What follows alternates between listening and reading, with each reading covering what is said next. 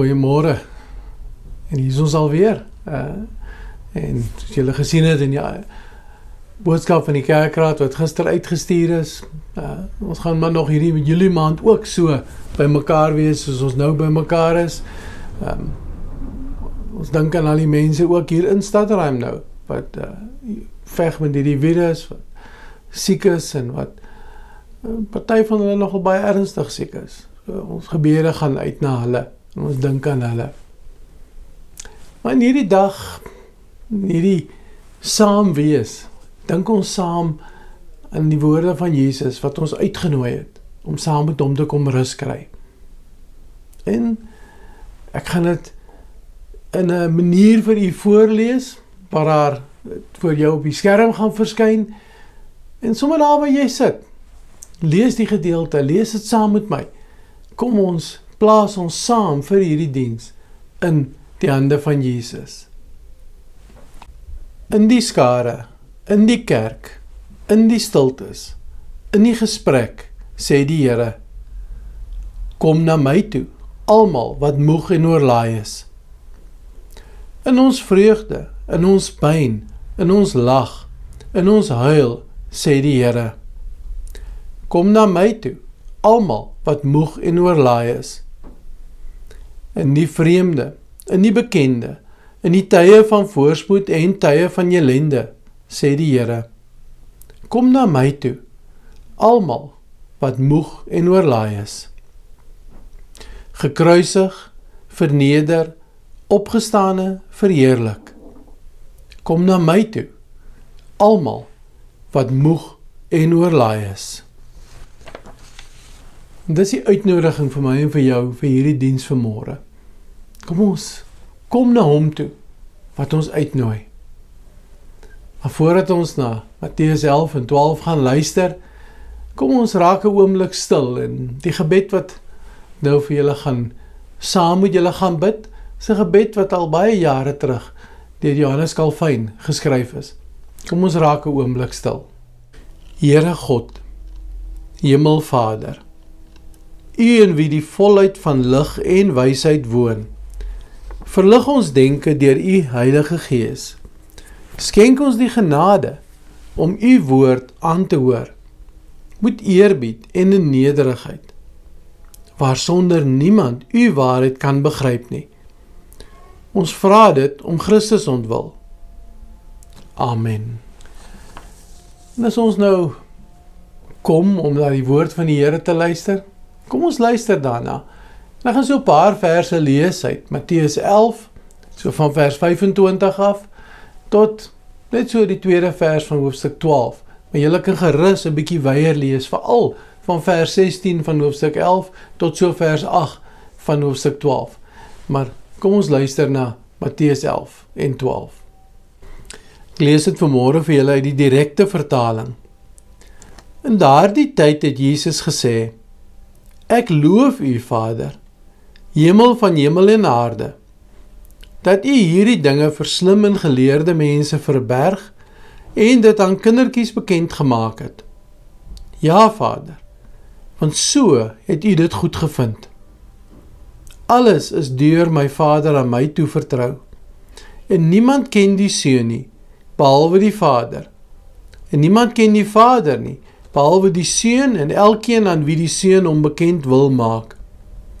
Kom na my toe, almal wat vermoeid en swaar belas is, en ek sal julle rus gee. Neem my juk op julle en leer van my, omdat ek sagmoedig en nederig van hart is, en julle sal rus vind vir julle gemoed. Want my juk is draaglik en my las is lig. In daardie tyd het Jesus op die Sabbat deur die gesaaides geloop. Sy disippels het honger geword en hulle het begin om die are te pluk en te eet. En toe die Fariseërs dit sien, sê hulle vir hom: "Kyk, u disippels doen iets wat op die Sabbat nie toelaatbaar is nie." My dogter praat hierdie week met my en sê net I'm so over it.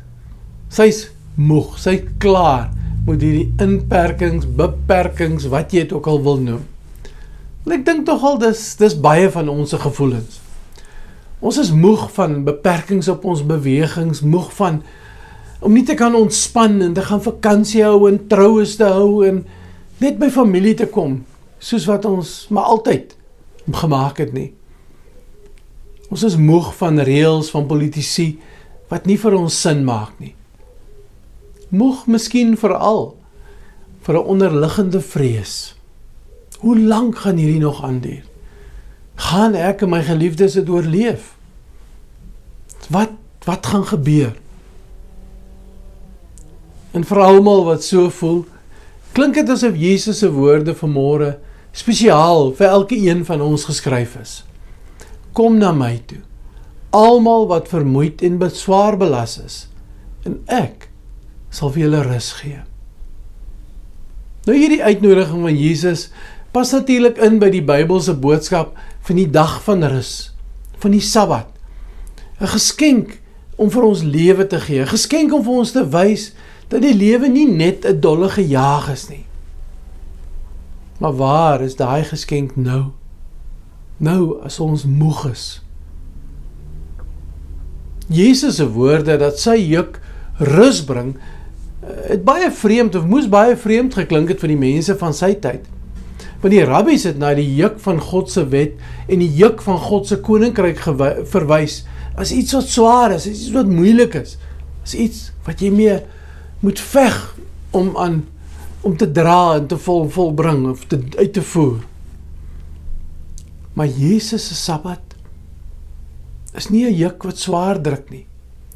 Jesus se juk soos wat vers 12 mooi vir ons sê, is iets van genade, van liefde, van sagheid, nie van hardheid nie.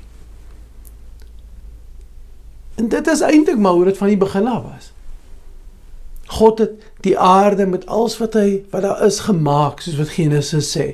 En dit was goed. En toe het hy gerus. Wanneer die Sabbat geskenk word in die wet van die, wat ons wat ons lees in Deuteronomium 5, Eksodus 20, dan lees ons dat die Sabbat gekoppel word aan die verlossing van slawerny, aan die vrymaak, aan die rus wat skielik beskikbaar is. Dis wat God vir ons wil skenk. En om vanuit Jesus se rus te leef, om vanuit God se Sabbat te leef, behels dit ek en jy op 'n sekere manier na die wêreld kyk. En daai kyk is 'n kyk waar ons sê ons erken die een wat die Here van die Sabbat is. Soos Matteus 12 vers 8 sê. Nie politici nie siektes, nie ekonomiese probleme nie. Geen van daai goed het die mag in die wêreld nie. Die een wat die rus skenk. Hy is die Heer van die Sabbat.